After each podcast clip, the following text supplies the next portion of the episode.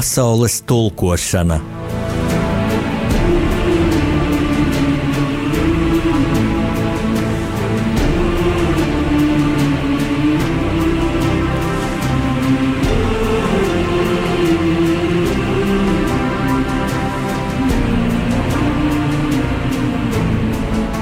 Studijā rakstnieks Jānis Udris.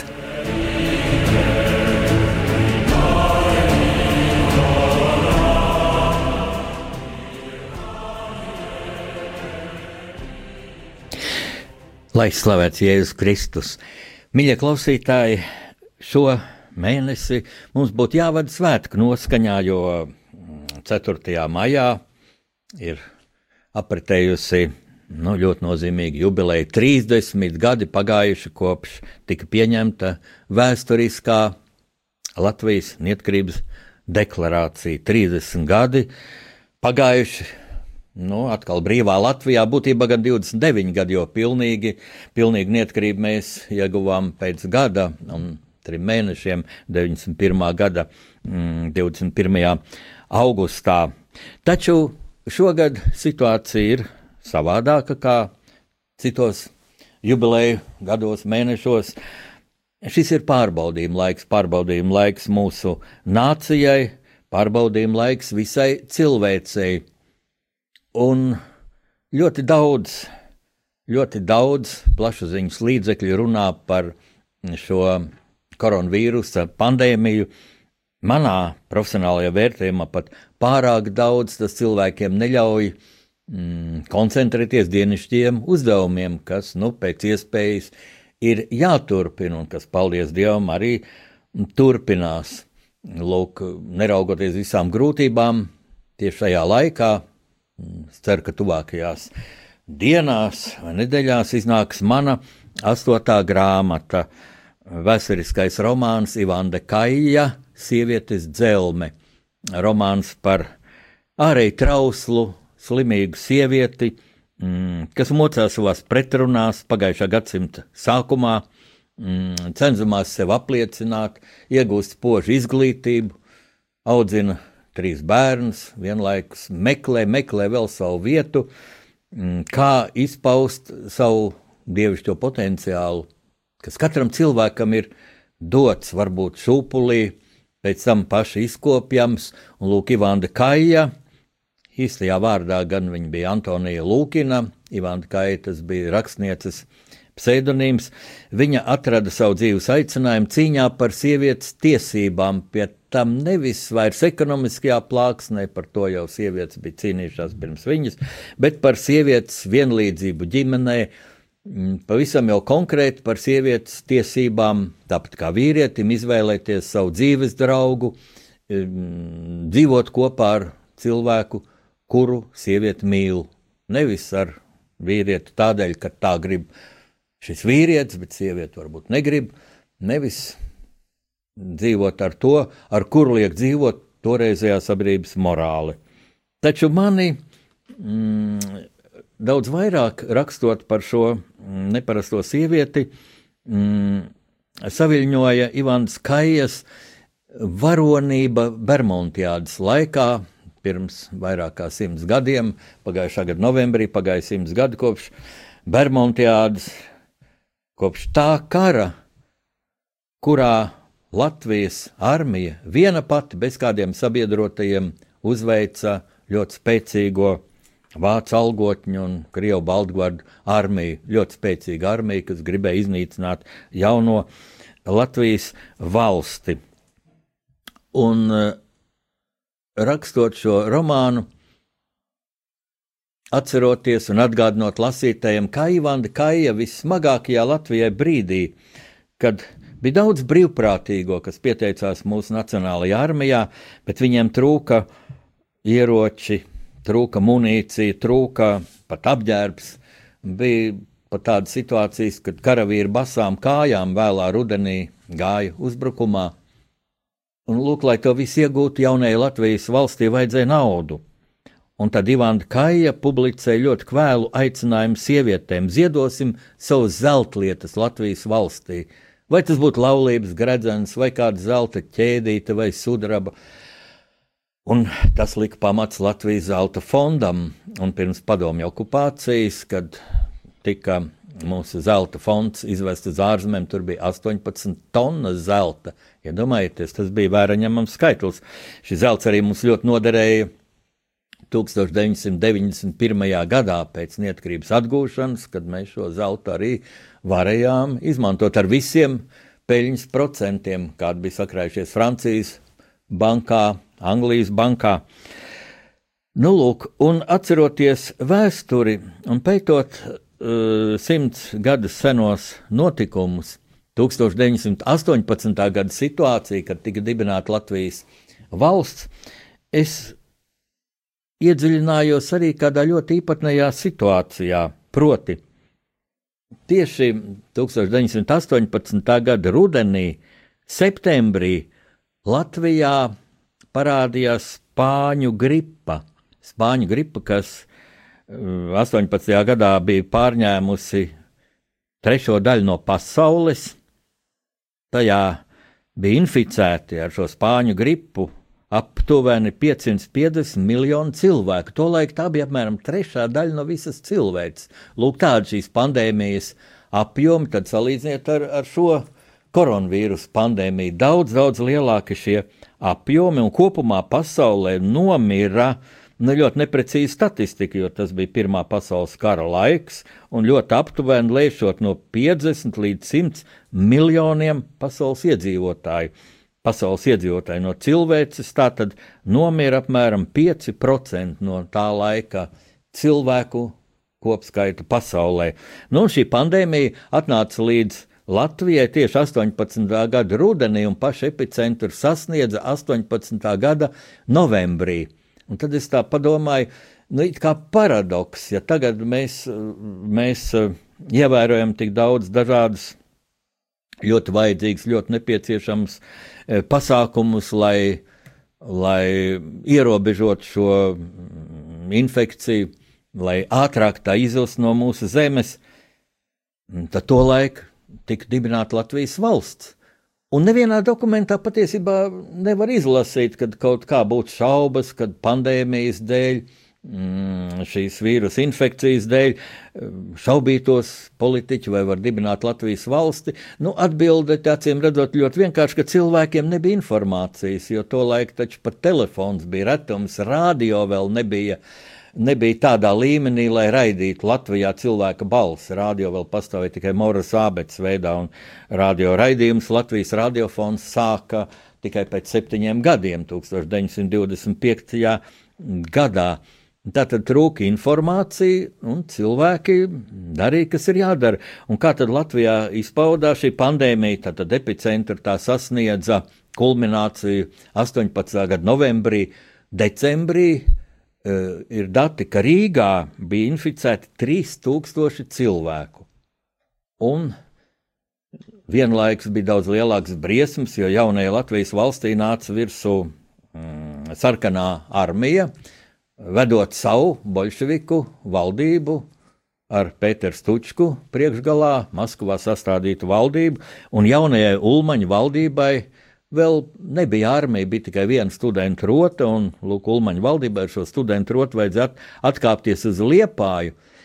Un ir dati par Liepāju, ka Liepāja no šīs mm, spāņu gripas nomira 82 cilvēki. Padomājiet, 82 cilvēki tas ir nu, daudz vairāk nekā um, šobrīd Latvijā ir mirušo no koronavīrusa.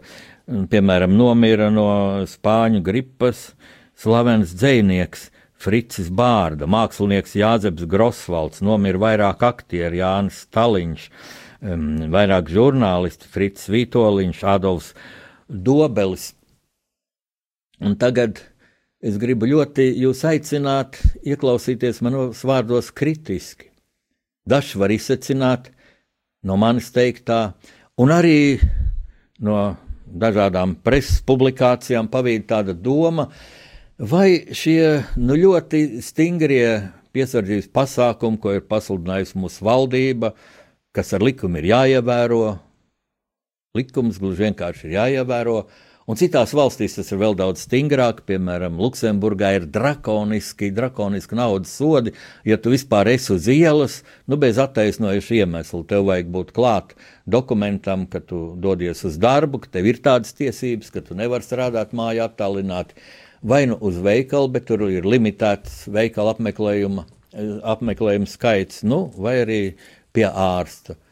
Ļoti, ļoti liela naudas sodi. Un, uh, Es gribu teikt vienu, kad paies šī pandēmija, vai ka šis ārkārtas stāvoklis tiks atcelts Latvijā, un tas tiks atcelts, un es ļoti ceru, ka tas tiks atcelts pat ātrāk nekā pesimisti to prognozēja, tad mēs varēsim izvērtēt, cik adekvāti bija šie piesardzības pasākumi. Varbūt, ka tie varēja būt mazāk, tas būs redzams no laika distances, jo jārēķina taču arī, kad būs lieli, nu, zaudējumi to cilvēku vidū, kuriem ir atliktas ārstu pārbaudas, ārstu vizītes, onkoloģijas slimniekiem un tā tālāk. Ja, ekonomiskie zaudējumi, jo ne viss ir tik rožaini, kā, kā paziņo valsts ieņēmuma dienas, piemēram, vai bankas, kad atliek šos mm, nu, nodokļu maksājumus, kad biznesmeņi parēķina, tad daudzi atsakās, jo viņam tas pat ir neizdevīgi, jo būs procenti pēc tam lielāki jāmaksā. To visu mēs varēsim izvērtēt, bet galvenais, ko es gribu uzsvērt, ja mēs esam tagad iekšā šajā procesā, Tagad vairs mēs nedrīkstam mētāties un spriest. Būtu bijis varbūt labāk, ja tā kā Zviedri tā vieglāk to visu ņēma, gan pārslimosim, vai tā kā Baltkrievija, kur vispār prezidents Lukašenko saka, tas viss ir muļķības un nekā, nekāda ārkārtas stāvokļa pie mums nebūs. Ja mums ir šis ārkārtas stāvoklis, mums ir jābūt ļoti likuma paklausīgiem un jāievēro likumi. Un, Jādod, kā Bībelē teiks, dievam, kas dievam, ķeizaram, kas ķeizaram, jo tas ir mūsu visu labā. Ja mēs tādu mētāsimies, ignorēsim šos likumus, tad visa šī sarežģītā situācija ieilgs, zaudējumi būs daudz lielāki. Tas ir tas, ko es ļoti gribu uzsvērt. Bet ir vēl viena, nu, es teiktu, pievienotā vērtība šim stāstam, šai paralēlē ar 1918. 20. gada mm, spāņu gripas pandēmiju, kur vēl var piebilst, ka Latvijā turpinājās cīņa pret sarkanu armiju. Bermons jau bija uzveikts, bet šajā laikā Latvijā radās tīfa epidēmija, kas īpaši bija izplatīta Latvijā. Un tad, kad mūsu armija sāka dzīt ārā sarkanu armiju no Latvijas, tad tur liela problēma bija tīfa infekcija. Un tad armijas sanitārajai pārvaldei, kas bija nodibināta jau 19. gada vasarā, bija jācīnās arī ar šīs briesmīgās infekcijas izplatību. Armija mm, pieņēma ļoti nu, būtisks pasākums, militāriem vilcieniem bija pievienoti tādi, nu, kā sauc, atutošanas vagoni ar pirti, kur karavīriem bija jāiet cauri, arī vietējiem iedzīvotājiem. Karavīriem tika aizliegts 20. gada ziemā mm, pārnakšņošanai izvēlēties apdzīvotas vietas. Viņam vajadzēja pārnakšņot klajā laukā, teltīs, ja tādas bija, lai neinficētu vietējos iedzīvotājus, lai būtu šī cilvēku nošķirtība. Nu, kara apstākļos nevar, nevar ievērot divus metrus kā tagad, ja. bet, bet bija ļoti sarežģīti šādi mm, pārbaudījumi. Un, ja tagad mēs par nu, skaitliski daudz tomēr mazāk bīstamā, smagā situācijā esam izvēlējušies tik sarežģītus mm, aizsardzības pasākumus, piesardzības pasākumus, tad tas liecina par vienu, cik ļoti mēs augstu vērtējam cilvēka dzīvību. Un Te nu mums, kristiešiem, acīm redzot, ir jāpiekrīt, par kādu naudu var uzbūvēt cilvēku, radīt cilvēku. Nevar cilvēku radīt dievs, un cilvēkam nav vērtība. Cilvēku nevar ne nopirkt, ne pārdot. To nedrīkst darīt. Kādreiz ir darīts totalitārās iekārtās, verdzības iekārtās, komunistiskajā diktatūrā, fašistiskajā diktatūrā. ka tika lemts, kam dzīvot, kam mirt, ka cilvēki varēja pārdot verdzību, aizsūtīt uz Gulāgu arhipelāgu Sibīrijā. Tagad tas nav un nedrīkst būt. Nedrīkst būt. Un es pat nevaru iedomāties tādu situāciju, kad kaut kur pasaulē tas vēl varētu notikt, jo vairāk Eiropā, jo vairāk mūsu valstī. Bet, bet ja mēs tik daudz savus morālos resursus, naudas resursus ziedojam, cilvēku dzīvības sargāšanai. Tad es šeit gribu atgādināt, cik vaiprātīgi, vieglprātīgi mēs vairākos gadījumos savā jau neatkarīgajā demokrātiskajā valstī esam izturējušies pret cilvēku dzīvību. Kad nu, man trūkst vārdu, lai lai izskaidrotu talsu traģēdiju, ko daudz ir jau aizmirsuši, bet es atgādināšu 1997. gada 28. jūnijas talsos notika ugunsdzēsības dienesta svētki. Iedomājieties, svētki. Un šai svētkos bija tāda attrakcija, ka šis ugunsdzēsēji mašīnas pacēlāja gros, kurā ir atļauts atrasties četriem pieaugušiem cilvēkiem. Tas tika izmantots attrakcijām un 19 metru augstumā tika celti cilvēki ar pieaugušie bērni. Cik tik var sakāpt, un šajā grozā bija sakāpuši 22 cilvēki. Iedomājieties, 4 cilvēki ir atļauti 5 reizes vairāk, nu pārsvarā gan bija bērni. Un šis grozs nolūza, ja tas bija pretēji jebkādām tehniskām normām, un gāja bojā 9 bērni. Niet, es vēl joprojām, kad es braucu savu vasaras māju, kur zemē, es gribētu braukt talsiem apkārt ar līkumu. Joprojām man kaut kāda baisa ēna tam klājas pāri, Latvijā no talsanieki. Bet visbriesmīgākais varbūt pēc tam bija tas, ka neviens it kā nebija vainīgs. Nu, it kā jā, tur vainīgos noformulē, es gribu nosaukt šos vārdus, lai tauta zinātu savus varoņus pēdiņās. Lūk, auto pacēlāja šofers Vilnis Griķis un Igors Ivanovs. Tiesa viņus, abi divi viņa šoferi un Ivanovs sēdēja pie tiem pacēlāja kloķiem, kas ceļ augstāk, ceļ zemāk. Un tiesa viņus atzina par vainīgiem nonāvēšanā aiz neuzmanības vai smagu miesu bojājumu nodarīšanā, kas sodām ar reālu brīvības atņemšanu. Bet viņiem, ziniet, ko pie, piemēroja amnestijas likumu, un viņiem nekas par to nebija. Praktiski nekas viņiem par to nebija. Es viņiem gribu jautāt, Vilni Griķi, Nigor Ivanov, vai jums pašiem ir bērni? Jūs esat aizmirsuši jau šo gadījumu, vai šie jūsu stulbuma rezultātā nonāvētie bērni jums nerādās sapņos? Igors Ivanovs toreiz nemācīja latviešu valodu, droši vien arī tagad nemāca. Es viņam paprasīšu krieviski, Igor Ivanov. Ты сознаешь, что ты повинен в смерти девяти невинных детей. Тебе эти убиенные тво, тобою невинные детские души не снятся ночью страшными кошмарами. Nu, es viņam to pateicu krieviski mūsu valsts valodā. Tas tā tad nozīmē, vai tev nerādās baisi murgi, vai šīs bērnu dvēseles tev nevajā.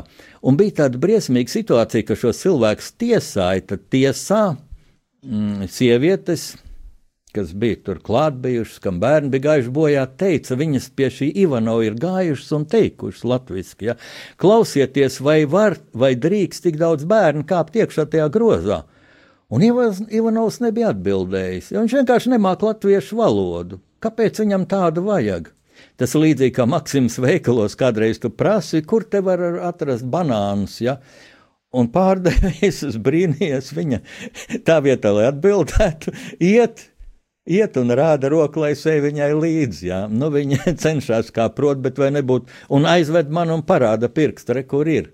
Vai nebūtu vienkāršāk iemācīties valodu. Un šis gadījums bija briesmīgs arī tādēļ, ka Krievijas vēstnieks pēc tam Tur bija pacēlies atkal jautājums par valsts valodu, vai kādā mērā to vajag ievērot, pieņemot darbā, un Krievijas vēstnieks, laikam nezinot par šo tālu traģēdiju, minēja tādu argumentu, nu kāpēc gan pažarniekam vajadzētu zināt uh, latviešu valodu, dzēšu ugunsgrēku un viss. Tā kā stulbumam laikam var likt klāt bezgalības zīme. Ziniet, kāda tā ir, kad astotnieku cipara astoņi apgāž guļus, ja horizontāli, tad tā ir bezgalības zīme. Lūk, laikam cilvēku bezatbildība, cilvēku muļķība tāda ir. Nu, un tepat var minēt arī mm, veikala Maksima traģēdiju, kad tiesa, nu, pat īsi pirms šī koronavīrusa sākuma, atzina vienam tur apsūdzētiem iedeva sešus gadus, un pārējie neviens nav vainīgs, viss ir attaisnot, un es tiešām nesapratu, šī vaiprāta sakne, šī absolūti neizprotamā lēmuma sakne, Un vienā no maniem šī pavasara raidījumiem bija Aivars Barovkovs, ļoti pieredzējis jurists, brīnišķīgs cilvēks. Es viņam prasīju, vai viņu tas pārsteidz, un viņš teica, nē. Un citējot viņu, viņš teica, zin, tā lieta jau bija sačakarēta no paša sākuma. Un izrādās, ko neviens nav pamanījis, vai negrib pamanīt, izliekas, ka nav pamanījis, e, ka nav pamanījis, ka taču pats galvenais vainīgais bija tas, cilvēks, es nezinu, kādā vārdā viņu nosaukt, nu, nu, nu kādu bezgalības zīmi šī cilvēka stulbumam likt klāt. Cilvēks, kurš atļāva strādāt, darboties veikalam, uz kura jumta notiek darbi un tiek izgāzt izgāztas tonām smagas kravas, tur melnzeme, un jo tur dārzi ierīk, dārs tika ierīkots uz šī, uz šīs, uz šī, šī Maksimas veikala jumta. Vai arī nu, kas ļāva mm, strādāt uz jumta veikalam, kurā atrodas pircēji. Un tad pasakiet, vai mēs varam teikt, ka mēs cienām cilvēka dzīvību, ka mēs vērtējam cilvēku dzīvību, ja tagad, pēc šī koronavīrusa beigām, parēķinātu ekonomisko zaudējumu, ko izraisīja šis ārkārtas stāvoklis, Un, ja parēķināt uz mirušo cilvēku kopskaitu, kas es ļoti ceru, es lūdzu Dievu, lai tas būtu nu, iespējams, lai tas būtu iespējams, jo starp mirušajiem ir viens mans bijušais students, Rolands Čārve. Es viņu pazinu kā studentu. Brīnišķīgs students, kaut visi būtu bijuši tādi gudrs, korekts, pieklājīgs, uzmanīgs, zinātnākārs. Lūk, es nezinu, tur iznāks, ka nu, daudz miljonus katru šo dzīvību. Un tas nebūs pārmaksāts, jo katra cilvēka, katra latviešu dzīvība, katra kristiešu dzīvība ir dieva radīta, tā ir nenovērtējama. Bet vai mēs mācāmies no šiem vaiprātīgajiem bezatbildības gadījumiem, vai talsu traģēdija mācīja cilvēkus, kas pēc tam kļuva vainīgi Maksimas traģēdijā? vai vēl būs šādas traģēdijas. Es gribu novēlēt, lai mēs no šīs pandēmijas, vismaz Latvijā, izietu gudrāki. Ir tādi saukļi, lai mēs izietu tādi, tādi, nu, tādi sirsnīgāki, draudzīgāki, bet pirmkārt, lai mēs izietu gudrāki, atbildīgāki par cilvēka dzīvību, par dieva doto cilvēka dzīvību, jo mēs visi esam ļoti apdraudēti, tāpat kā mūsu valsts ir bijusi daudzus gadus apdraudēta. Un tas ir ļoti labi pateikt šajā brīnišķīgajā Zigmāra Liepiņa skaņdarbā, kur tagad paklausīsimies. Zem zem pakaviem, zem dzelžu pēdām.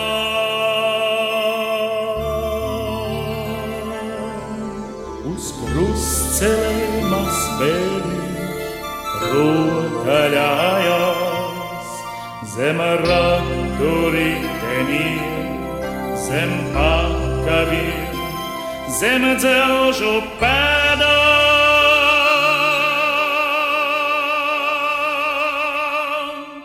Maz bērniņš krustcelēs, kā laiks tam samiltīs tēk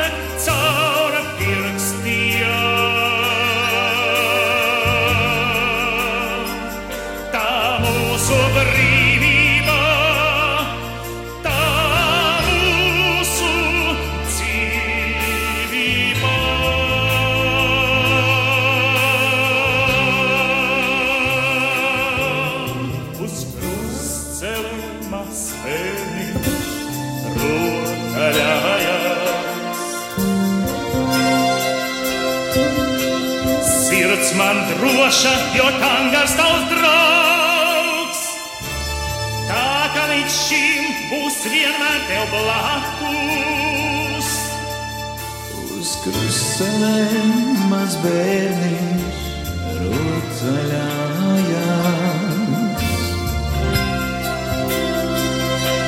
Sirds man droša, jo tangas tavs draugs. Šim būs vienmēr tev blakus. Maz bērniņš krustcelēs,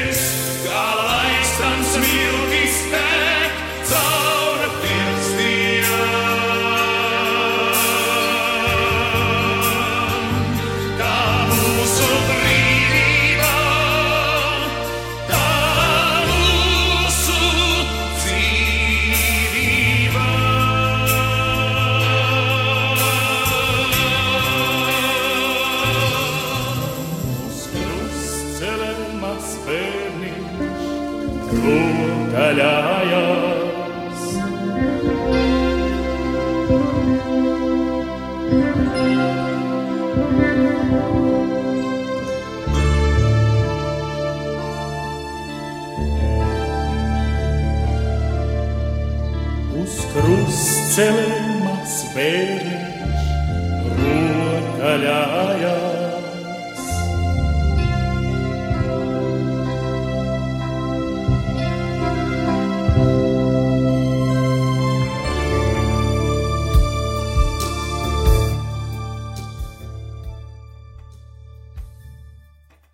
Radiostacija Radio Marija Latvija ar jums runā Jānis Udrs, rakstnieks, un tā iznāca, ka šajā raidījumā stāstu par savu astoto grāmatu, vēsturisko romānu Ivanda Kaja, sievietes dzelme, bet bija man jādodas tādā vēsturiskā atskatā uz ļoti līdzīgu, taču daudz, daudz sarežģītāku, bīstamāku situāciju mūsu valstī un visā pasaulē, uz spāņu gripas pandēmiju pirms simts gadiem, no 918. līdz 900, 1920. gadam.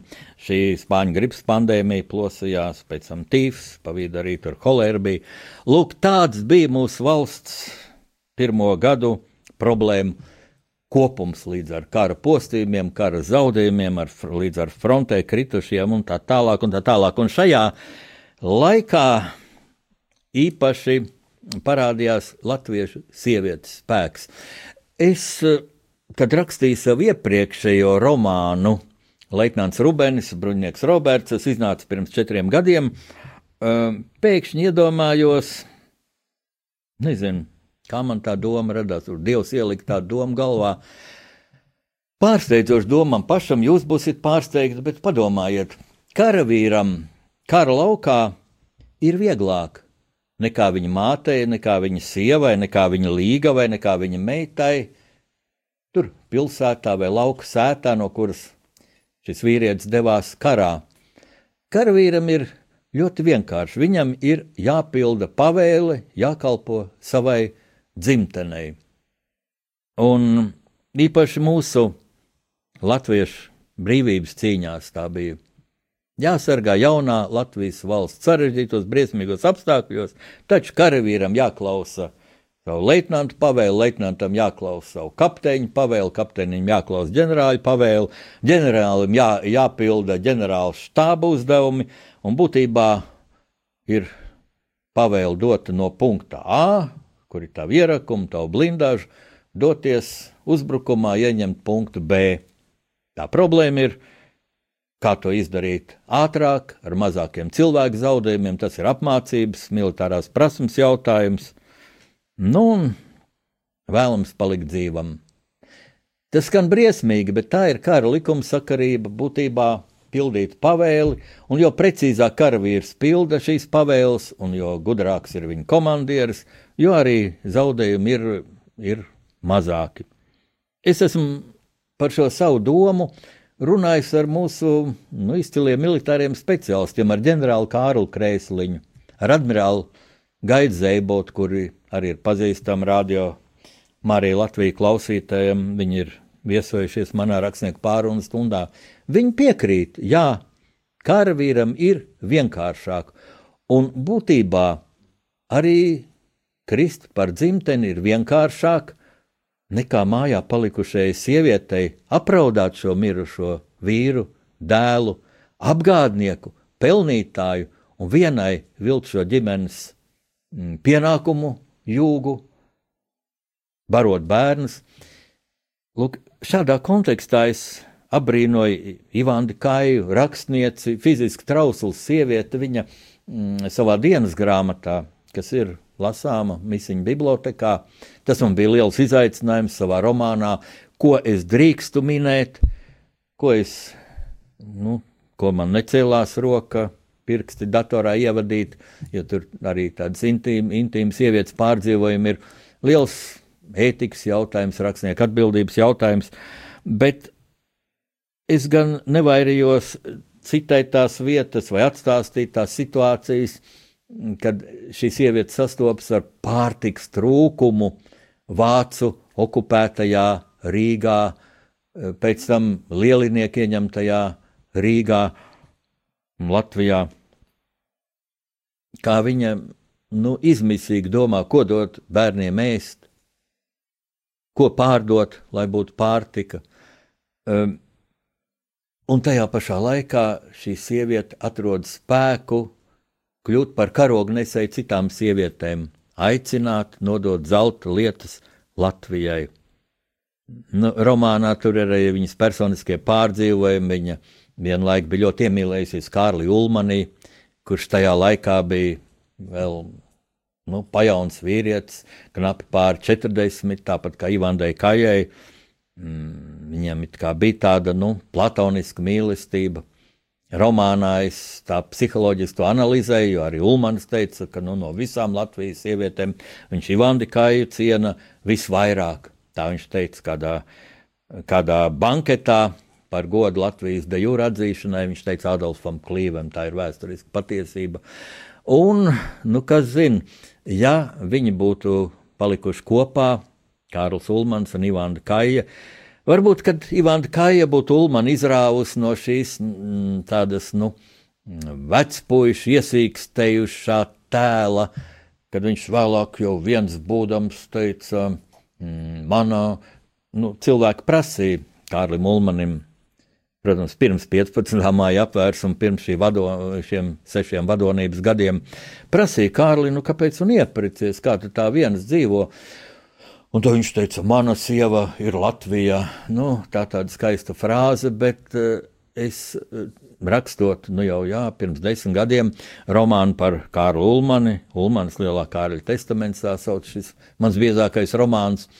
Es tur arī psiholoģiski mm, tā pamatoju, ka, acīm redzot, Ulmaņa vājais punkts 1940. gadā, ka viņš nevarēja saņemties dot armijai pavēli pretoties pret padomju okupāciju, vai nu vismaz nepakļauties okupantiem, neparakstīt viņu pavēles tajā vienā mēnesī, kad Krievijas tanki bija Latvijā, Rīgā, turpat pie Rīgas pilsētas. Bet Ulmans vēl formāli bija valsts prezidents un parakstīja visas muļķības, ko padomju okupantu marionetes, Kirchensteina valdība, nu, nes Ulmanim priekšā. Visas šīs muļķīgās pavēles, kas bija sastādītas Padomju Savienības sūtniecībā patiesībā. Lūk, šī marasmātiskā situācija.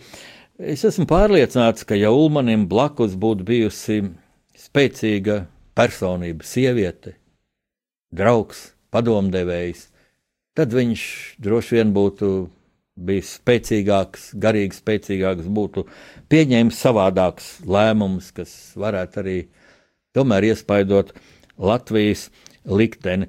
Diemžēl viņus izšķīra traģisks notikums Ivānas Kājas dzīvē.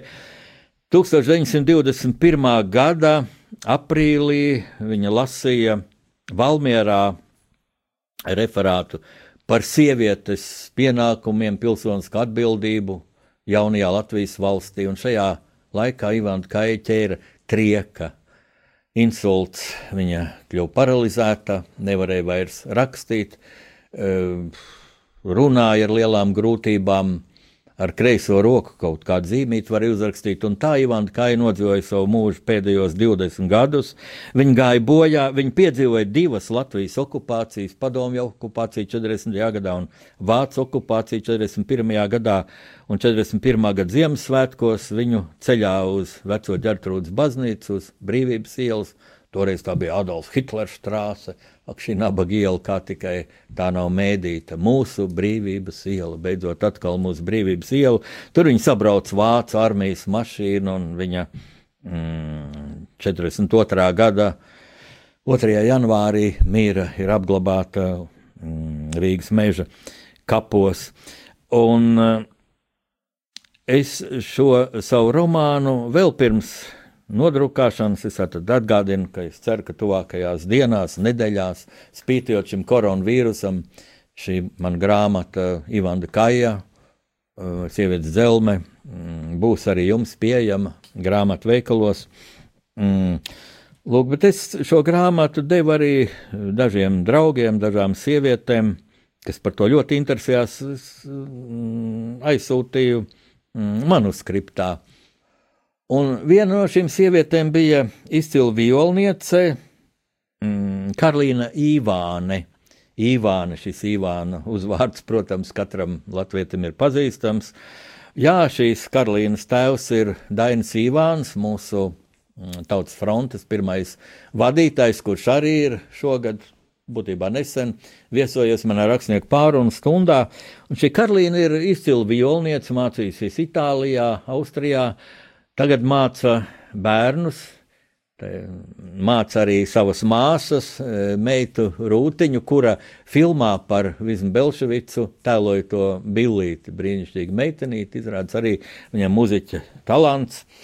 Un, kad e, Karolīna Ivāna izlasīja mm, manu romānu, uh, manuskriptā, tad viņai ļoti spēcīgi iespēja atstāja tieši epizode, kad Ivāndi kāja ķēra trieka, un tajā aprīļa dienā pavisam nesen viņa aranžēja kādu skaņdarbu. Tas ir ļoti sarežģīta mm, itāļu komponista Dānēlis Liverānī skaņdarbs, tāda sērija par rozēm, un šis skaņdarbs saucas uh, Melnā roze, un tā tad aranžēts šis skaņdarbs violē un spēlē Karolīna Īvāne.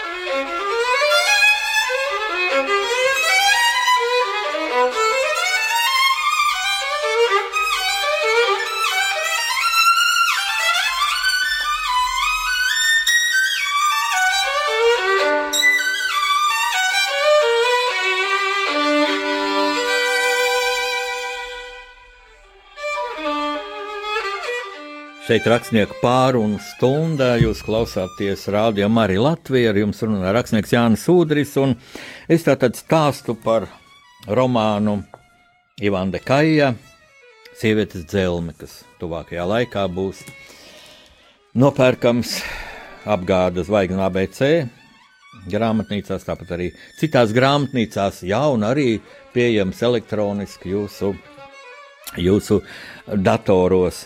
Un atlikušajās raidījuma minūtēs es gribu jums nolasīt šī romāna fragmentu par to, kā Ivanda Kaja ar kādām jūtām Ivanda Kaja sāka un kā lasīja savu, savu mūžu pēdējo referātu. Ivanda Kajas mm, nu, spilgtai personībai mēs varam pateikties par daudziem spožiem publicistiskiem rakstiem un publiskiem priekšlasījumiem, ļoti patriotiskiem. Es bieži tā domāju, lūk, šādas spilgtas sieviešu personības šobrīd, pēc vairs Vīts Freibergs spožajiem astoņiem spožiem izciliem prezidentūru, divu prezidentūru gadiem, Ļoti trūkst mūsu publiskajā telpā šādas spilgtas sieviešu personības. Tātad Ivanda Kaja Valmierā ir 1921. gada aprīlis. Un sāksies šis priekšlasījums ar drebošu sirdi. Jā, viņa bija uztraukusies. Viņa vienmēr uztraucās pirms uzstāšanās, ar drebošu sirdi noklausīsies, kā tiek pieteikti. Ivanda nostājās pie runātāja pults un pārlaida skatienu zālē. Vairums klausītāji bija pusmūža sievietes, bet Ivandai par prieku bija arī daudzas jaunavas. Kāda mums skaista tauta viņai iešāvās prātā, atceroties no vīriešiem nereizi vien dzirdētos vārdus, ka pasaules skaistākās sievietes ir Latvijā. Bet zālē bija arī samērā daudz vīriešu. Vairāk kungu stāvēja gar sienām, un paprāvs klausītāju pulciņš dur, durvzmējās durvīs, pēc brīvas vietas skatīdamies. Tas iedrošināja, un Ivānde, nokartījusi mulsumu, skaļi teica: Bija laiki, kad mēs, latvieši, dzīvojām katrs savu dzīvi, tāli, sveši viens otram, jo nebija mums lielas apvienojošas idejas, un svešas, naidīgas varas mūs valdīja un skaldīja. Tie laiki no aiz kalniem, Latvijas zeme vairs nav kaut kādā Krievijā, tā ir mūsu pašu Latvija, mūsu sapņu ilgi lolotā, cerētā. Nav vairs svešas varas, kas mūs māc, mūs spaida, vajā Pār visiem mums spīd gaišā brīvības saule, dzīvinoša, spēka šalti tā lej mūsu miesās, mūsu garu tā modina jauna laika lielam darbam. Uz brīdiņu ieturējis pauzi, Ivāna pamanīja pār zāli pārskrienam atzinīgu murdoņu. Tuvākajās rindās viņa pamanīja mirdzumu sieviešu acīs. Pirmā iespēja uzmundrināta, viņa pašapzinīgi turpināja. Visās sabiedrības šķirās, Tagad dzīvi interesējas par sabiedriskiem un likumiskiem jautājumiem. Šie jautājumi visi grozās ap to, kā iekārtot dzīvi mūsu jaunajā valstī, pēc iespējas taisnīgu, visiem daļu un laimīgu. Šis darbs valstī uzticēts tautas priekšstāvjiem jeb vietniekiem. Satversmes sapulcē un no pēdējās ievēlētai valdībai līdzdarbojoties pašai sabiedrībai.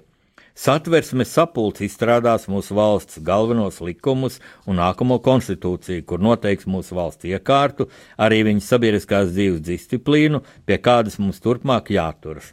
Tas prasīs no mums daudz pašsavaldīšanās, ciešu gribu un enerģiju.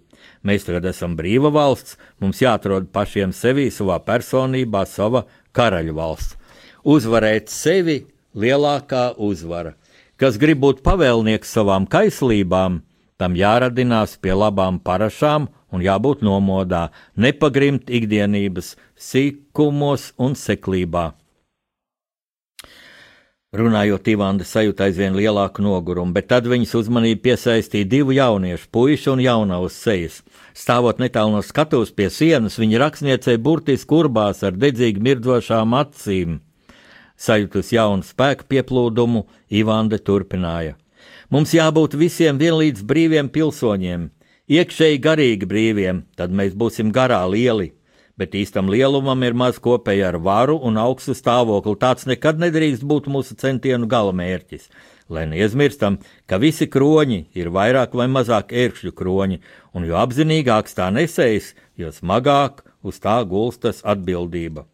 Mums jāveido mūsu dzīve pēc iespējas skaista, laimīga. Dzīvē Ir brīžiem traģēdija, brīžiem komēdija, bet aizvien viņa ir tā, ko mēs paši no viņas iztaisām. Maldīgi ir domāt, ka visa laime pastāv bagātībā vai ārējā spīdumā.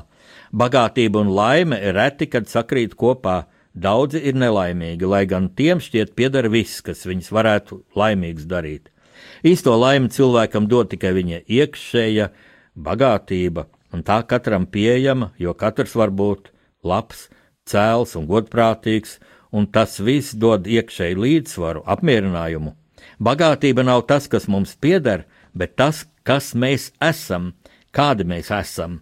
Cilvēks ir liels ne ar savu amatu, savu stāvokli un varu, bet ar saviem darbiem. Katrs lai cenšas uz priekšu ar labiem darbiem, bet ne uz citu nelaimes un posta rēķina. Tikai labi darbi ir tie, kas padara mūsu laicīgo dzīvi par paradīzi. Tikai likumīga dzīve nes sevī laimi. Tāpat kā katra apgrēcība, katra pārestība pret citu līdzcilvēku nes sevī sodību, neskaidrā sirdsapziņā, iekšējos pārmetumos. Mūsu labiskais vadītājs visās lietās ir mūsu sirdsapziņa.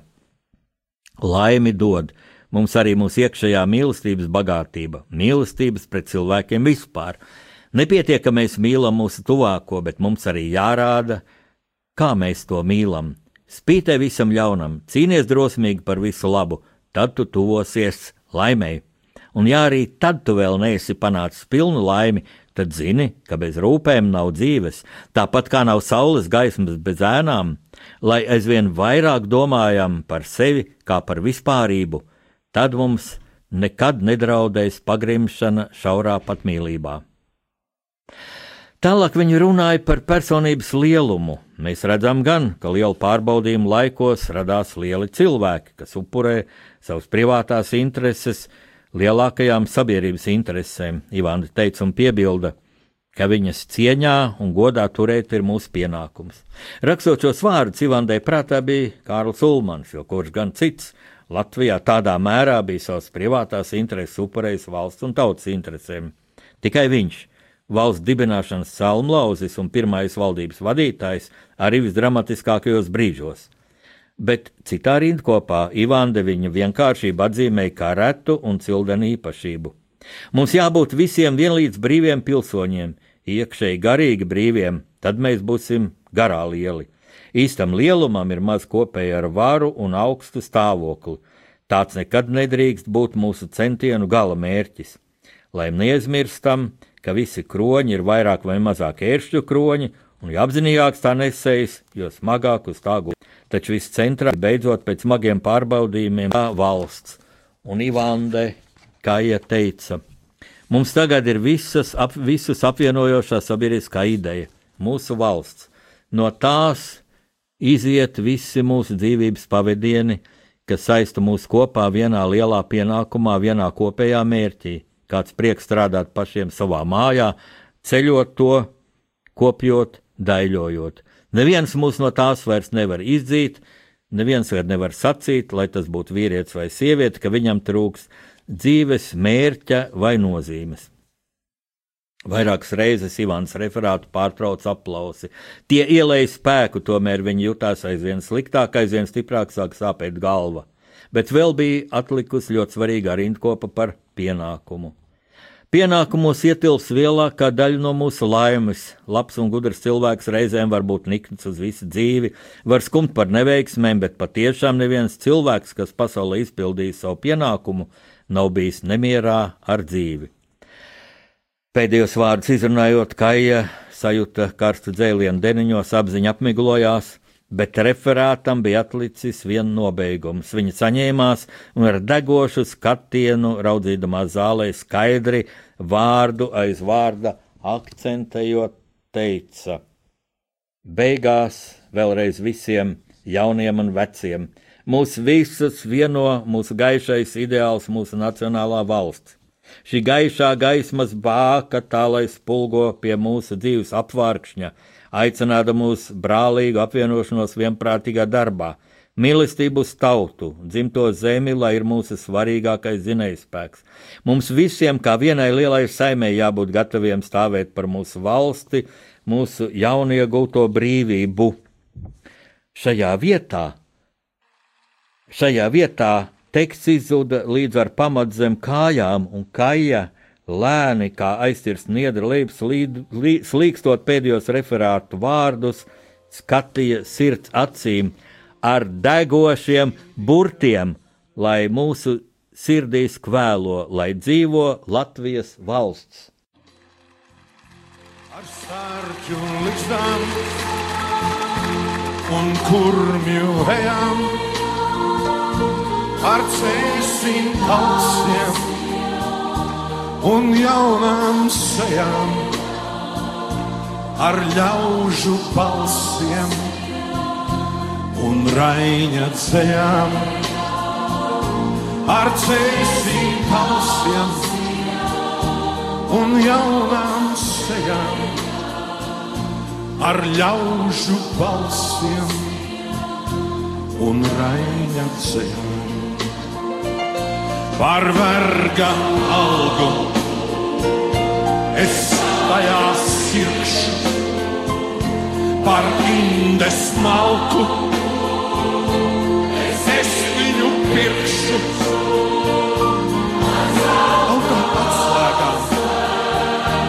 Slēgšu, slēgšu, kā puskauts āzus.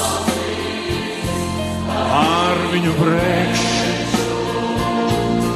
zelta atslēgām slēgšu, slēgšu, kā puskauts āzus ar viņu brēkšu.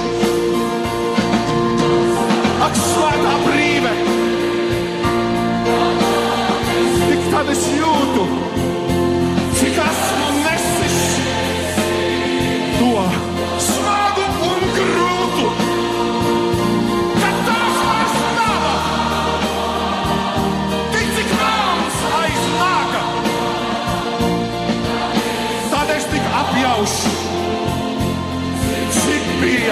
smaga.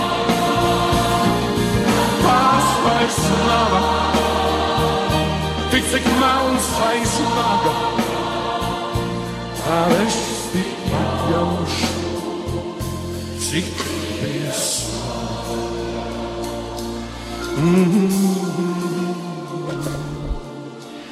Izskan rakstnieka pārunu stunda, pasaules tulkošana. Kopā atkal ar jums bija rakstnieks Jānis Udris, mīļie.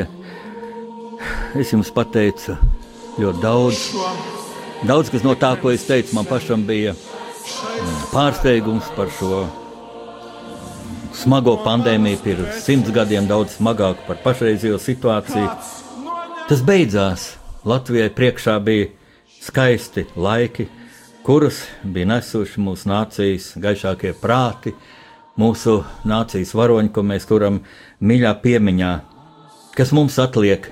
Novērtēt to, ka jau 30 gadus mēs dzīvojam brīvā valstī un būt šīs brīvības cienīgiem arī šajā nu, sarežģītajā, jā, dažiem skarbajā pārbaudījuma laikā. Mīļā, lai Dievs jūs visus svētī, sargā no infekcijām, bet sargāsimies paši, jo Dievs mums deva dzīvību, bet vienlaikus tas mums ir uzlicis liela atbildība. Būsim atbildīgi citu citu priekšā, Dieva priekšā, mūsu skaistās zemes priekšā, lai Dievs jūs visus svētī un sargā, lai Dievs svētī Latviju.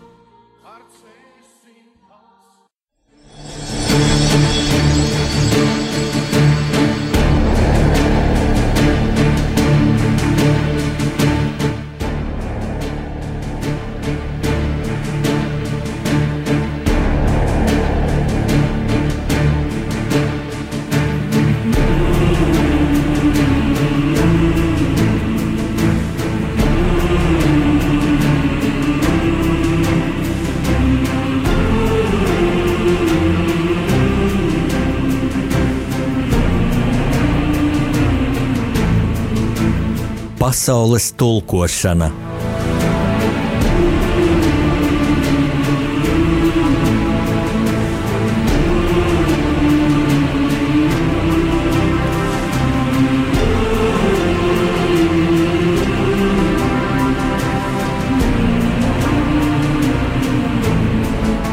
Studijā rakstnieks Jānis Udris.